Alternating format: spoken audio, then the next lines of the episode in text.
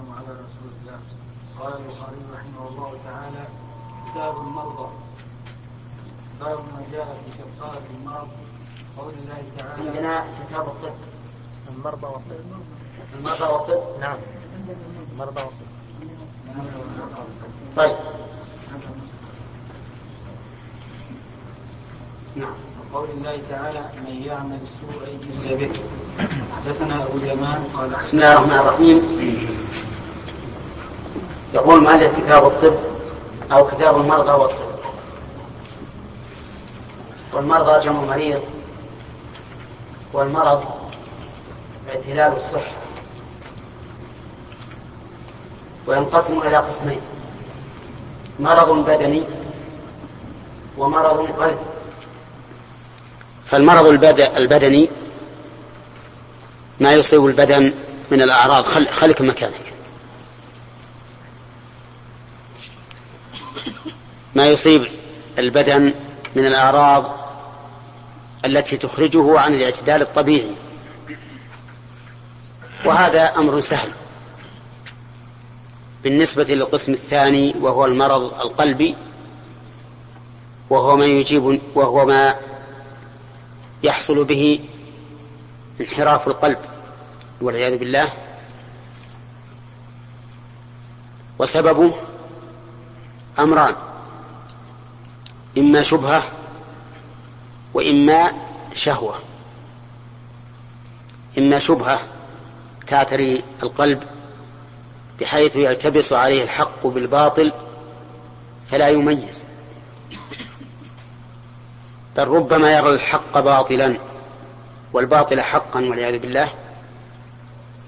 وإما شهوة أي سوء قصد أي سوء قصد.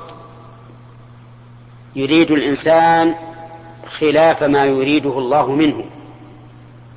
والله تعالى يريد منا أن نعبده.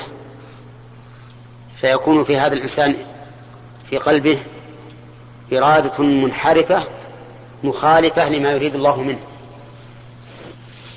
وهذا هو المرض وهذا المرض هو المرض الخطير الذي به تفسد الدنيا والآخرة. قال الله تعالى ظهر الفساد في البر والبحر بما كسبت أيدي الناس. وقال تعالى ولا تفسدوا في الأرض بعد إصلاحها. قال العلماء أي بالمعاصي لأن المعاصي سبب الفساد. والمعاصي إنما تأتي من أمراض القلوب. والشيء الذي يهم المؤمن هو هذا أعني مرض القلب. فما دواؤه؟ دواؤه يكون بحسب سببه. فسبب الشبهة فما سببه الشبهة؟ دواؤه العلم. العلم المتلقى من كتاب الله وسنة رسوله صلى الله عليه وسلم. وكلما ازداد الإنسان علما زالت عنه الشبهات واستنار قلبه وصار يميز بين الحق والباطل إما بدراسة العلم وتلقيه وإما بنور يقذفه الله سبحانه وتعالى في قلب الإنسان. أحيانا يوفق الإنسان للصواب وإن لم يكن درس علما. ومنه ما جرى لعمر بن الخطاب رضي الله عنه في موافقته للصواب في عدة مسائل. ومنه ما يجعله الله تعالى في قلب الإنسان أحيانا من الفراسة التي يميز بها بين النافع والضار. فهذا هو دواء الشبهة العلم والتعلم ونشر العلم والدعوة إلى الله. وأما السبب الثاني وهو الشهوة أن يريد الإنسان ما لا يريده الله منه فدواؤه الابتهال إلى الله تعالى والإنابة إليه والإلحاح عليه بالدعاء سبحانه وتعالى أن يصرف قلبك إلى طاعته. كما قال النبي عليه الصلاة والسلام ما من قلب من قلوب بني آدم إلا وهو بين أصبعين من أصابع الرحمن.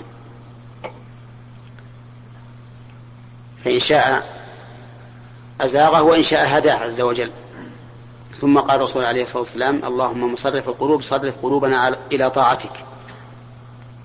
فهذا الثاني دواؤه الابتهال الله والرجوع إليه وحسن القصد فبهذا يشفى القلب من المرض. وأما إن بقيت الذنوب تتراكم عليه ذنبا بعد ذنب فإنه ربما يختم عليه والعياذ بالله فلا يرى الحق. واستمع إلى قوله تعالى إذا تتلى عليه آياتنا قال أساطير الأولين. كيف يشتبه عليه هذا الحق العظيم؟ بهذا الباطل الآيات البينات الواضحة العظيمة إذا تتلى عليه يقول هي أساطير الأولين ما يميز ما فيها من الخير والصدق والعدل بل يقول هي أساطير الأولين. يقول الله عز وجل كلا يعني ليست أساطير الأولين ولكن بل ران على قلوبهم ما كانوا يكسبون فلم يروا الحق.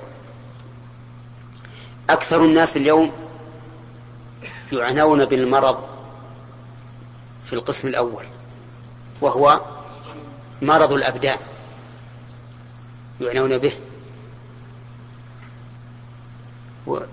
دفعا ورفعا فتجدهم يتخذون الوقايات الكثيرة منه ويحذرون الناس من أسبابه وإذا وقع حرصوا غاية الحرص على رفعه. وهم لا يلامون على هذا بل هم مأمورون بهذه الأمور.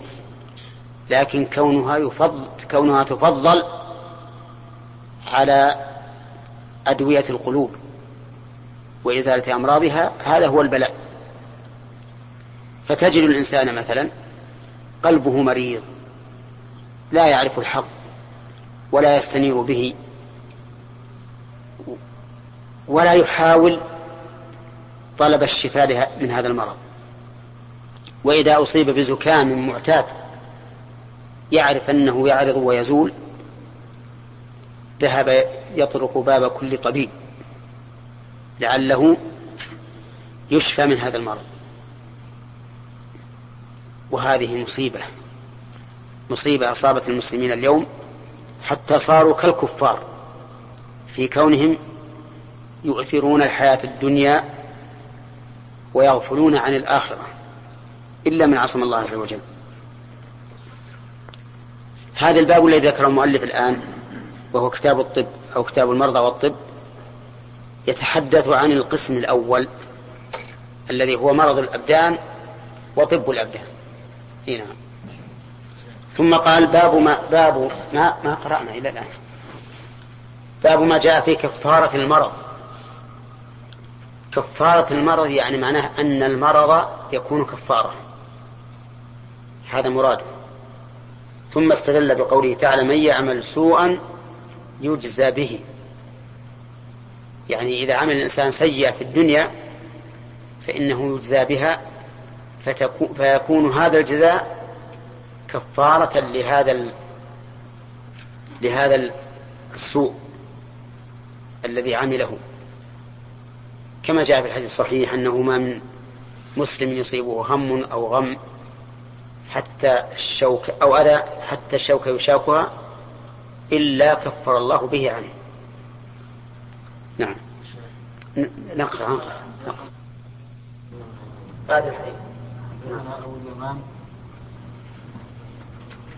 عن حكم بن نافع قال أخبرنا شعيب عن الزهري قال أخبرني عروة بن الزبير أن عائشة رضي الله عنها زوج النبي صلى الله عليه وسلم قالت قال رسول الله صلى الله عليه وسلم ما من مصيبة تصيب المسلم إلا كفر الله بها عنه حتى الشوكة يشاكها حدثني عبد الله بن محمد. عندك الشوكة تضرب كسر.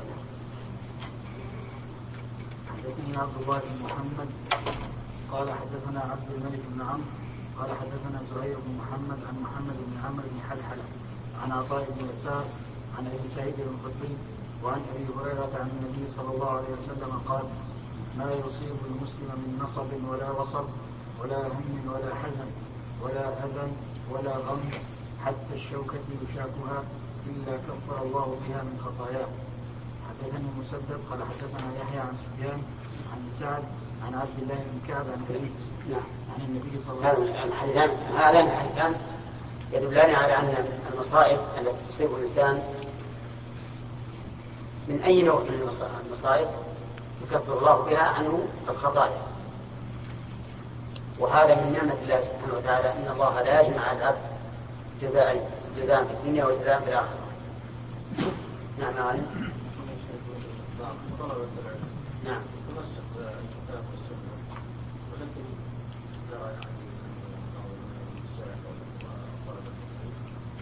يعني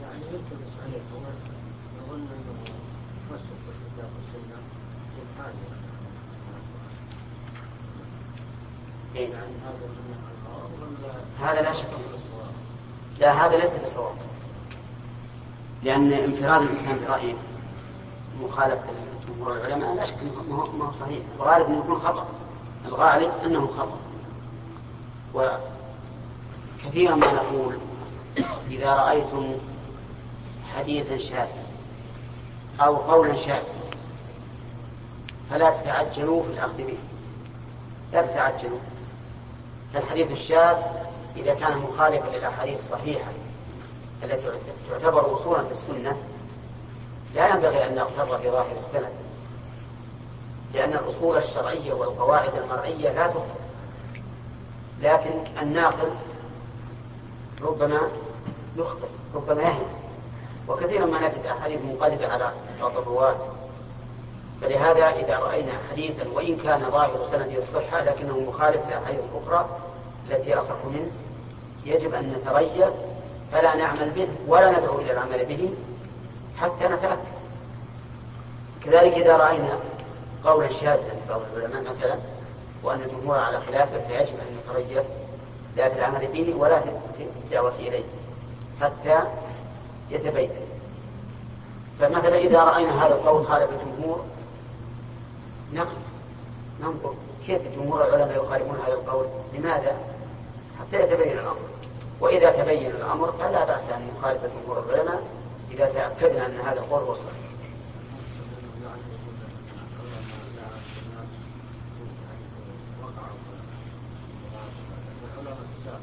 إيه. وأنا يعني احسن انقذ عنه والله ما أرى هذا. أنا أرى أن أن يختلط الناس والعلماء المتساهلون يتكلم معهم وينظر وش وجهة نظر نظرهم. قد يكون الصواب معهم وقد يكون الصواب معه فينبههم حتى العلماء الإنسان بشر. مهما بلغ الإنسان من العلم ومن الفهم والعقل فهو ناقص.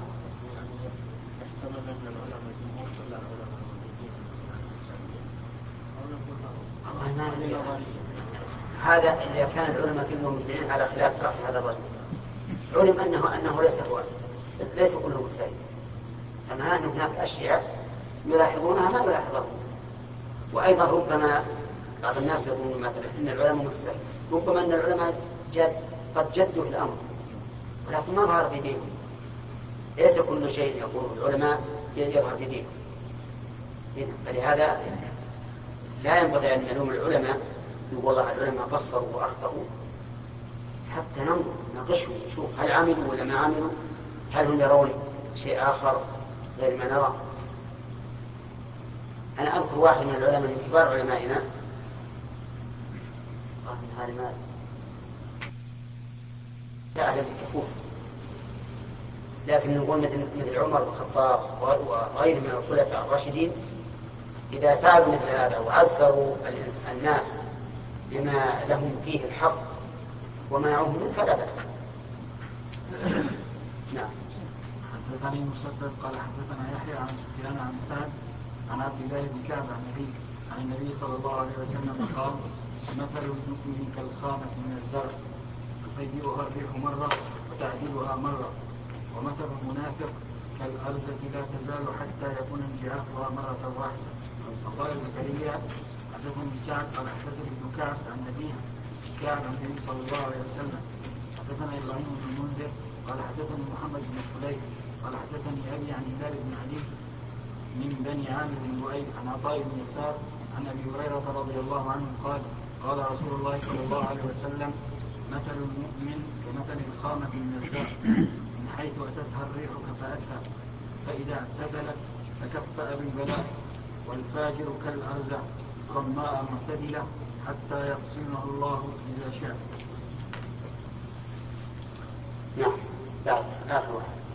حدثنا عبد الله بن يوسف قال أخبرنا مالك عن محمد بن عبد الله بن عبد الرحمن بن أبي صعصع أنه قال سمعت سعيد بن يسار أبا الحباب يقول سمعت أبا هريرة يقول قال رسول الله صلى الله عليه وسلم من يرد الله به خيرا يصلح به هذا الحديثان وما بعدهما يدل على أن المؤمن كخامة الزرع. يعني كالزرع الغض اللين الذي لم يصل إلى حد النهاية. مثل الخامة بيضاء لين تكفره تكفاه الريح يمينا وشمالا ولا ينكسر. يميل يمينا ويميل شمالا ثم يعتدل إذا سكنت الريح. فهكذا المؤمن يصاب بالبلاء والأذى وغير ذلك فيعتدل لأنه يعلم أن هذا أن هذا الأمر من الله عز وجل لحكمة بالغة. فيذكره بما عنده من الذنوب ويرجع إلى الله. كما قال تعالى ليذيقهم بعض الذي عملوا لعلهم يرجعون. أما المنافق والعياذ بالله فإنه على العكس من ذلك.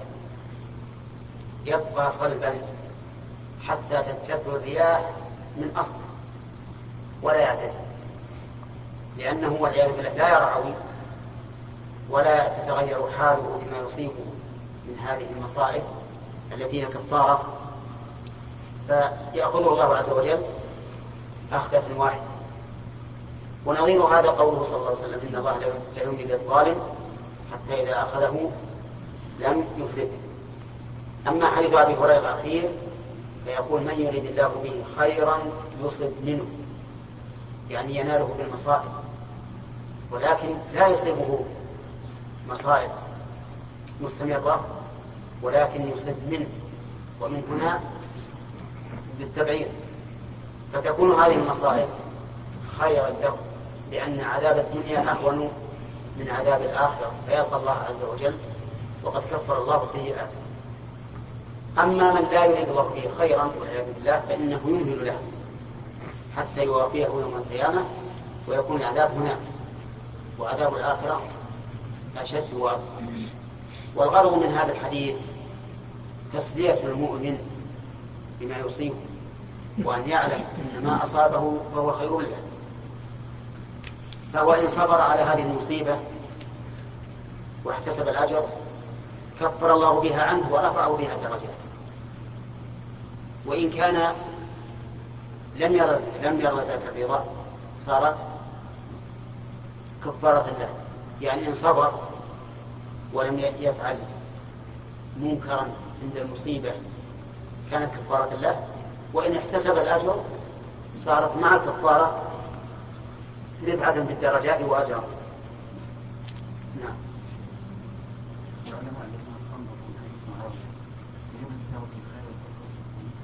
قال انه مفهوم مفهوم يدل على انه الذي لم يتفضل نعم ما رفض لم يؤمن بالهذا لأنه قد لا يصيب الله منه ويعفو الله عنه في المستقبل إن الله لا. يغفر أن يشرك به ويغفر ما دون ذلك لمن يشاء بخلاف في الدين فإن في الدين ضده الجهل نعم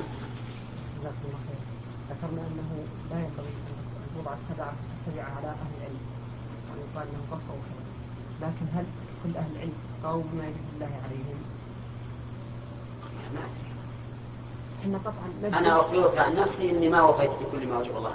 لا نحن نجزم جزما إن كثير من أهل العلم اليوم لم يقم ما وجب الله عليهم لأن الآثار تحصل من وراء ذلك فإذا لم لم تنفرد هذه الآثار فلا بد أن يكون هناك تبعة على أهل العلم نعم ونحن قلنا أنه لا ينبغي الإنسان يضع حتى لا لا يكون عليه لا يجعل عليه متبع حتى ينظر. مش عنده. حتى ينظر. طيب افرض ان افرض إن أهل العلم يعني ادوا ما يجب لكن ما حصل أمر بدين وش يسوون؟ يعني هل هل هل هل هذا هل هذا يمكن يمكن يمكن كيف يمكن؟ أن يجتمع أهل العلم على أمر؟ يعني نحن حقيقة شيخ يعني نقرأ في سير أهل العلم ونرى ال- ال- الأعلام منه والأئمة أنهم يقولون له قومة رجل واحد. ولذلك يعني نرى طيب يا أخي الآن ل- ل- لنضرب مثلا في في مسألة المعتزلة والجهميه قام الإمام أحمد رحمه الله بقيام لم يقمه أحد بما نعلم. وهل تغير شيء؟ ما تغير شيء. ابدا. ما تغير إلا بعد خليفتين. لما جاء الخليفة الثالث بعد المأمون تغير لأن الخليفه تغير ممكن شيء يطلع به في العلم ولهذا الحقيقة أنا لا أشك أن فيه تقصير ما أقول ما فيه تقصير مرة لكن لا يمكن أن نجعل اللوم على العلماء كل شيء. لكن لكن يا شيخ مسألة الاعتصام الحقيقة والاجتماع اجتماع أهل العلم ما ترى أنا لا أشك أن الاجتماع والاعتصام له أثر بلا شك. نعم. و و و ولهذا نحن نرى أنه ينبغي للعلماء أن يجتمعوا على كلمة واحدة على الحق. نعم. إذا لم يجعل المبتدعة والمسؤولية على العلماء على من نضعه وعلى من من لم أهل العلم يعني بالنسبة إلى غيرنا من العلماء الآخرين ليس أهل من أهل السنة والجماعة نحن في خير بالنسبة إلى غيرنا ولكن اللوم والمسؤولية الأولى على أهل العلم والتقصير أصبر لديهم لا. والله شيخ أنا لست أقول أن العلماء عليهم تبعة لكن أقول لا تلوموا العلماء ربما أن العلماء أتوا بالواجب. وربما قصروا أحسنت. لكن هل نحكم بالتقصير؟ طيب إذا لازم إذا رأينا أو تخيلنا أن هناك تقصيرا فالواجب أن نسأل. نقول للعلماء حصل كذا وكذا. نخبر إذا كان ولا ما طعم لا لا ابدا. الواقع ما الواقع لا يدري. ابدا. من, من زمان. والواقع ما يدري. باب شدة المرض. حدثنا قتيبة قال حدثنا سفيان عن الأعمش قال حدثني بشر بن محمد قال أخبرنا عبد الله قال أخبرنا شعبة عن الأعمش عن أبي وائل عن مسروق عن عائشة رضي الله عنها قالت ما رأيت أحدا أشد عليه الوجع من رسول الله صلى الله عليه وسلم. حدثنا محمد بن يوسف قال حدثنا سفيان عن عن إبراهيم التيمي عن الحارث بن سويد عن عبد الله رضي الله عنه قال أتيت النبي صلى الله عليه وسلم في مرضه وهو يوعك وعكا شديدا. وقلت إنك لتوعك وعكا شديدا. قلت إن ذاك بأن إن ذاك بأن لك. إن ذاك بأن لك أجرين. قال أجل ما من مسلم يصيب أذى إلا حاث الله عنه خطاياه. كما تحاث ورق الشجر. هذه من نعم الله عز وجل. والنبي عليه الصلاة والسلام كان يشدد عليه في في المرض والحمى لأجل أن ينال أعلى درجة في الصبر. فإنه صلى الله عليه وسلم أصبر أصبر الناس على طاعة الله وعن معصية الله وعلى أقدار الله. فلهذا كان يشدد عليه عليه الصلاة والسلام في المرض ويوعك كما يوعك الرجلان منا. لينال هذه الدرجة الرفيعة. لأن الصبر درجة رفيعة لا يمكن أن ينال إلا بأسبابه. إلا بأسباب الصبر. وهو البلاء. فهذا هو الحكمة في أن الرسول عليه عليه الصلاة والسلام يشدد عليه في المرض. نعم. أنت. أنت. ذكرنا انه مرض القلوب اهم من مرض الابناء نعم. إن الإمام البخاري رحمه الله أتى بالباب الامراض أتى كل أمراض البدن ما أتى بشيء من مرض القلوب نعم. لأن صحيح البخاري كله لم- لمعالجة المرض. كل صحيح البخاري من أول إلى آخر لمعالجة المرض. نعم. نعم. شيخ ما ناخذ من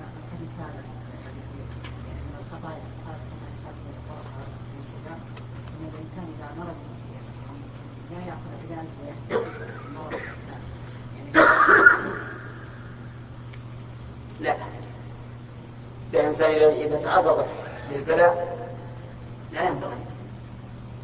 ولهذا قال الرسول لا تتمنوا لقاء العدو وصلوا العافية فإذا لقيتموه المرض حتى بالمرض كل شيء ما عافيك الله منه فهذه من نعمة الله. لكن إذا أصابك فلا لا تندم هذا الندم. اعلم أن الله سبحانه وتعالى يكبر علاج ما في شك. التداوي أمر مطلوب فيما يظن له.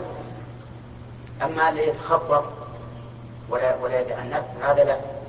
لكن فيما يظن نفعه فإنه سنة أمر به الرسول عليه الصلاة والسلام. نعم. شيخ في نهاية السند الأول حديث قميص مكتوب حاء. ها يعني تحول. يعني تحول من السند. إلى السند إلى الآخر السند الثاني نعم. باب أشد الناس بلاء الأنبياء ثم الأمثل فالأمثل حدثنا عبدان عن أبي حمزة عن الأعمش عن إبراهيم التيمي عن خالد بن سويد عن عبد الله قال دخلت على رسول الله صلى الله عليه وسلم وهو يوعك فقلت يا رسول الله إنك توعك وعكا شديدا. قال أجل إني أوعك كما يوعك رجلان منكم. قلت ذلك بأن لك قال أجل ذلك كذلك. ما من مسلم يصيبه أذى أذى شوك أذى شوكة فما فوقها إلا كفر الله بها سيئاته كما تحط الشجرة ورقها. باب باب وجوب عيادة المريض. حدثنا قتيبة بن سعيد قال حدثنا أبو عوانة. البخاري رحمه الله جزم. جزما أكيدا بوجوب عيادة المريض. وقد سبق لنا الكلام فيها في الليلة الماضية وقلنا إن القول الراجح أن عيادة المريض فرض كفاية وقد تكون فرض عين إذا كان إذا كان تفويتها من قطيعة من قطيعة الرحم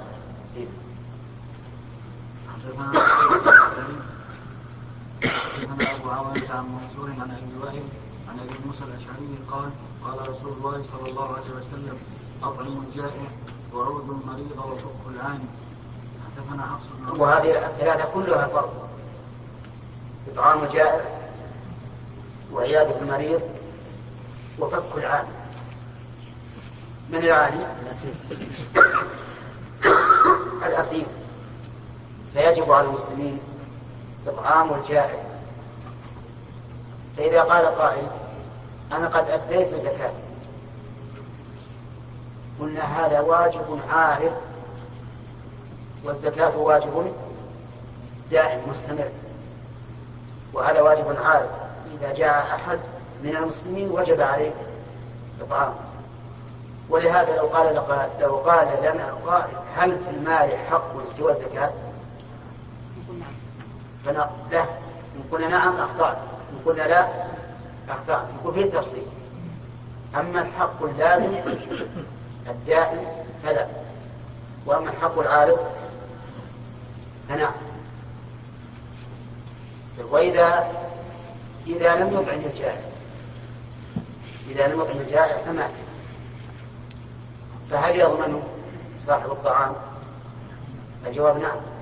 يضمنه صاحب الطعام. يضمنه بديته ويصوم شهرين متتابعين كفارا طيب. وإذا طلب منه جائع ولم يعطه هل يجوز له أن يأخذ منه قهرا؟ الجواب نعم. يجوز أن يأخذه قهرا. ويجب فيه قيمة المثل. قيمة المثل. ولكن هل هي قيمة المثل في مكانه أو قيمة المثل, آه، المثل في البلد؟ الجواب قيمة المثل في مكانه لأن الشيء له قيمة في البلد وله قيمة خارج البلد. أليس كذلك؟ فمثلا في محطات البنزين وفي المقاهي البعيدة عن البلد تكون القيمة في الغالب أكثر من القيمة في البلد لأنهم يضيفون إليها تعب النقل والاستئجار والانفراد عن الناس وما أشبه ذلك. طيب فك الأسير واجب أيضا على المسلمين. أن يفك الأسرى إما بمال متطوعا فيه وإما بمال بلا الزكاة. لأن فك الأسرى يجوز أن تدفع فيه الزكاة. من أي أقسام الزكاة هنا؟ في سبيل الله. نعم من الرقاب. من الرقاب. لأن فك الأسير كإعتاق العبد نعم.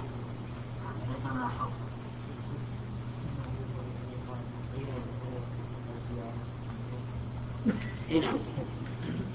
العلماء يقولون ان إن الزيارة والعيادة بينهما فرق. مع أن العيادة نوع من الزيارة. العيادة زيارة لكنها أخص. فالزيارة ليست كالعيادة. العيادة للمرض. ثم عيادة المريض تقتضي ان يتكرر. لأن من العود. مرة بعد أخرى كالعيد يتكرر. الزيارة ربما لا تدعوه إلا مرة في السنة. لكن العيادة تتكرر بحسب ما تقتضيه الحال. وسبق لنا أمس الدرس الماضي أنها تختلف. اختلاف القرابة واختلاف الحقوق واختلاف حال المريض واختلاف المرض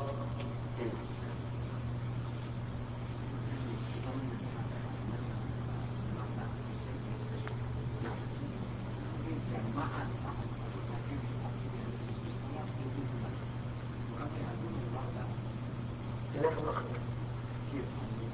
هذا إذا معناه تقوم بفرض كفاية.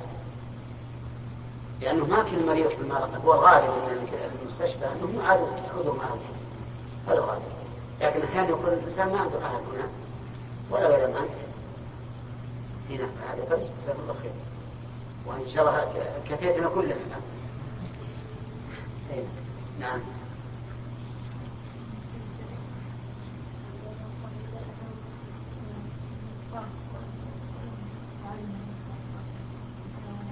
لا فرق كفاية. نعم. خلاص. حدثنا حفص بن عمر قال حدثنا شعبة قال أخبرني أشعث بن سليم قال سمعت معاذ بن سويد بن مقرن عن البراء بن عازب رضي الله عنهما قال أمرنا رسول الله صلى الله عليه وسلم بالسبت ونهانا عن سبت نهانا عن خاتم الذهب ولبس الحرير والديباج والاستبرق وعن القصي والميترة وأمرنا أن نتبع الجنائز. ونعود المريض ونفشي السلام هذا ما سبق أمس. ها؟ ها؟ هي ترتيب. نعم. طيب اتباع جنائز سبق لنا أنه فرق كفاية وأن لمتبعها أجرا إذا تبع حتى يصلي عليها فله قراط وحتى تدفن فله قراطان طيب. وسبق لنا أيضا في إفشاء السلام أي نشر. وبينا أنه يستثنى من ذلك من؟ الكافر. ومن هجر لمصلحة. من هجر لمصلحة. وبقي علينا من بحث السلام أشياء لم نتكلم عليها في الدرس الماضي. أولا هل يجزي قول مرحبا وأهلا عن السلام؟ الجواب لا. الجواب لا لا يجزي لا ابتداء ولا ردا ابتداء ولا ردا فإذا أردت أن تأتي بالسنة فقل السلام عليكم. أو السلام عليك إن كان واحد. في الرد يجب أن يقول الرد عليكم السلام. وجوبا. لو قال أهلا ومرحبا ومسهلا وحياك الله وبياك وأبشر بالضيافة الجيدة وتفضل عندنا وما أشبه ذلك. كل هالدنيا هذه جاء إجابة له يجزي أن نقول عليكم السلام؟ لا. لا بد أن يقول عليكم السلام. ولهذا في حديث المعراج يقول فرد عليه السلام وقال مرحبا بالأخ الصالح والنبي الصالح. فرد عليه السلام وقال مرحبا كثير من الناس اليوم مع الأسف يسلم عليه فيقول مرحبا نعم. وبعض الناس يقول هلا. هذه ينبغي أن يخبرهم إذا إذا قال هلا أو مرحبا السلام عليكم. أحيانا بالتلفون. سلم. السلام عليكم. أهلا. السلام عليكم. أهلا. السلام عليكم. أهلا. بعضهم ينتبه وبعضهم يكرر ثلاث مرات إذا ما إذا ما فهم بالثالثة علمناه بعضهم ينتبه. يقول عليكم السلام. فنقول الآن رددت السلام. واضح؟ إذا لا ينفع كلمة مرحبا وأهلا. لابد أن تقول عليكم السلام على الأقل. وإذا حييتم بتحية فحيوا بأحسن منها أو ردوها. والرجل المسلم قال السلام عليك جعلك بالسلام وأنت لو ملأت الدنيا مرحبا وأهلا ما صارت مثل الدعاء بالسلام أبدا. فلا بد أن تقول عليك السلام. واضح؟ طيب. السلام فرض كفاية ابتداءه سنة كفاية. ورده؟ فرض كفاية. لكن إذا دخلت على على جماعة وسلمت السلام عليكم. وقد علم الناس أنك إنما أردت بالقصد الأول فلانا. ورد الباقون وهو لم يرد. فهل يقول هذا الرجل الذي علم أنه هو المقصود الأصلي أن نقول إن الرجل هذا آثم ولا غير آثم؟ انتبهوا هنا. فاهمين السؤال الآن؟ دخلت على على دخلت على جماعة. وسلمت وأنت في نفسك أن المقصود الأول بالسلام هو كبير القبر كلهم قالوا عليكم السلام إلا هذا الكبير. ما قال عليكم السلام. هل نقول إنه آثم؟ ولا لا؟ الذي يظهر لي أنه آثم. لأن المسلم قصد أراد بالقصد الأول هذا الرجل. هذا الرجل. لماذا يتكبر ولا يرد عليه السلام؟ هو لو رد السلام عليه لكفى عن كل الحاضرين. وإذا رد كل الحاضرين لا يرى أنه أنه حصل مطلوب فإذا فإذا علم أن المقصود الأول هو هذا الرجل لا بد أن يرد. أورد بعض العلماء على هذا قال لغزا عايا به. قال إن المعروف أن الفرض أفضل من السنة. وفي السلام ابتداء السلام أفضل من رده مع أن ابتداءه سنة ورده فرض. فهل خرم القاعدة؟ أم ماذا؟ ما فهمت السؤال. الواجب أفضل من السنة. كذا ولا لا؟ طيب. ابتداء السلام أفضل من رد. كذا. ابتداء السلام سنة ورده فرض. فهنا صارت السنة أفضل من الفرض. نعم.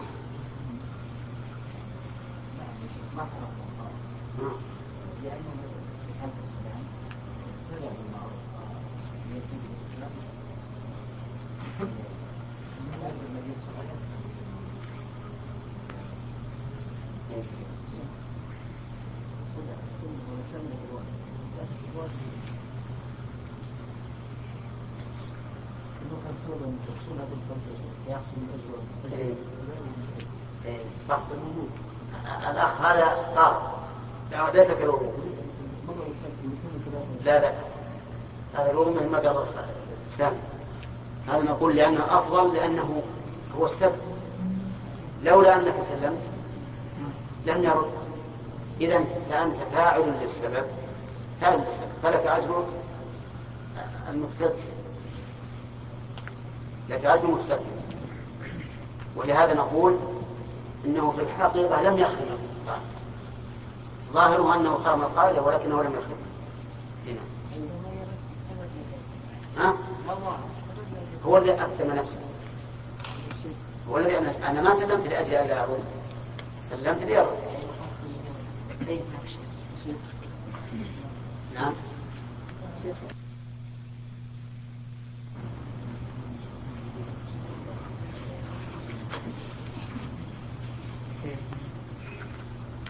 ناخذ ثلاث الآن. قول النبي صلى الله عليه وسلم لأم هاني مرحبا بأم هاني. ويحمل على أنه لا سلام هنا وإنما ابتدأها بمرحبا نعم. لأن المقدوم المقدوم عليه قال مرحبا بفلان يمكن عاد سلمت هي بعد أو ما سلمت الله أعلم. نعم. باب عيادة المغمى عليه. حدثنا عبد الله بن محمد قال حدثنا سفيان عن ابن المنكدر أنه سمع جابر بن عبد الله رضي الله عنهما يقول مرضت مرضا فأتاني النبي صلى الله عليه وسلم يعودني وأبو بكر وهما ماشيان فوجداني أغمي علي فتوضأ النبي صلى الله عليه وسلم ثم صب وضوءه عليه فافقت فإذا النبي صلى الله عليه وسلم فقلت يا رسول الله كيف أصنع في مالي؟ كيف أقضي في مالي؟ فلم يجبني بشيء حتى نزلت آية الميراث في هذا دليل على كما قال على ما قال المؤلف رحمه الله عيادة المغمى عليه. يعني سواء أحس بك أم لم يحس. بل تذهب وتعود هذا المريض وتنظر.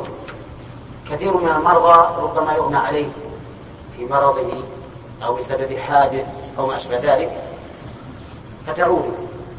وليس من شرط العيادة أن يكون المريض صاحبا. وفيه أيضا بركة وضوء رسول الله صلى الله عليه وسلم. بركة وضوءه بالفتح وهو الماء الذي يتوضأ به.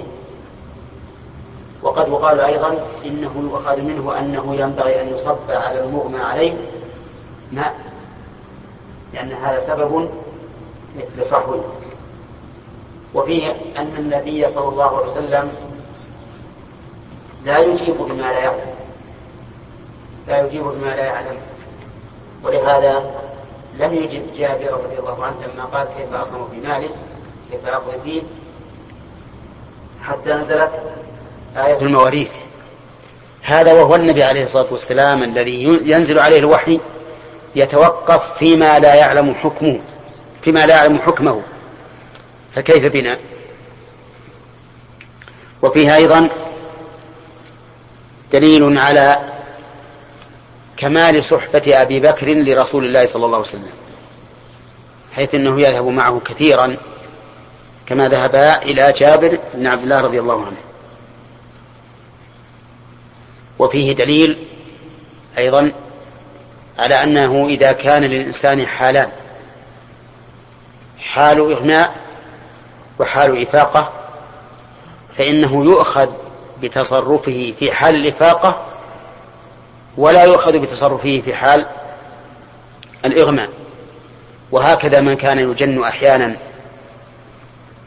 ويفيق أحيانا نعتبر تصرفه في حال الإفاقة دون حال الجنون لأن الحكم يدور مع علته. هنا.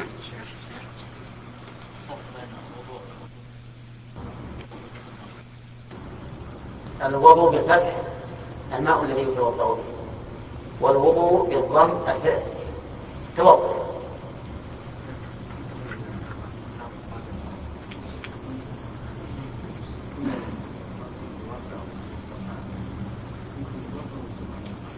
لا ما حاجة الوضوء ما حاجة لأن بالنسبة للرسول التبرك بفضله هذا وضوء أما نحن فلا.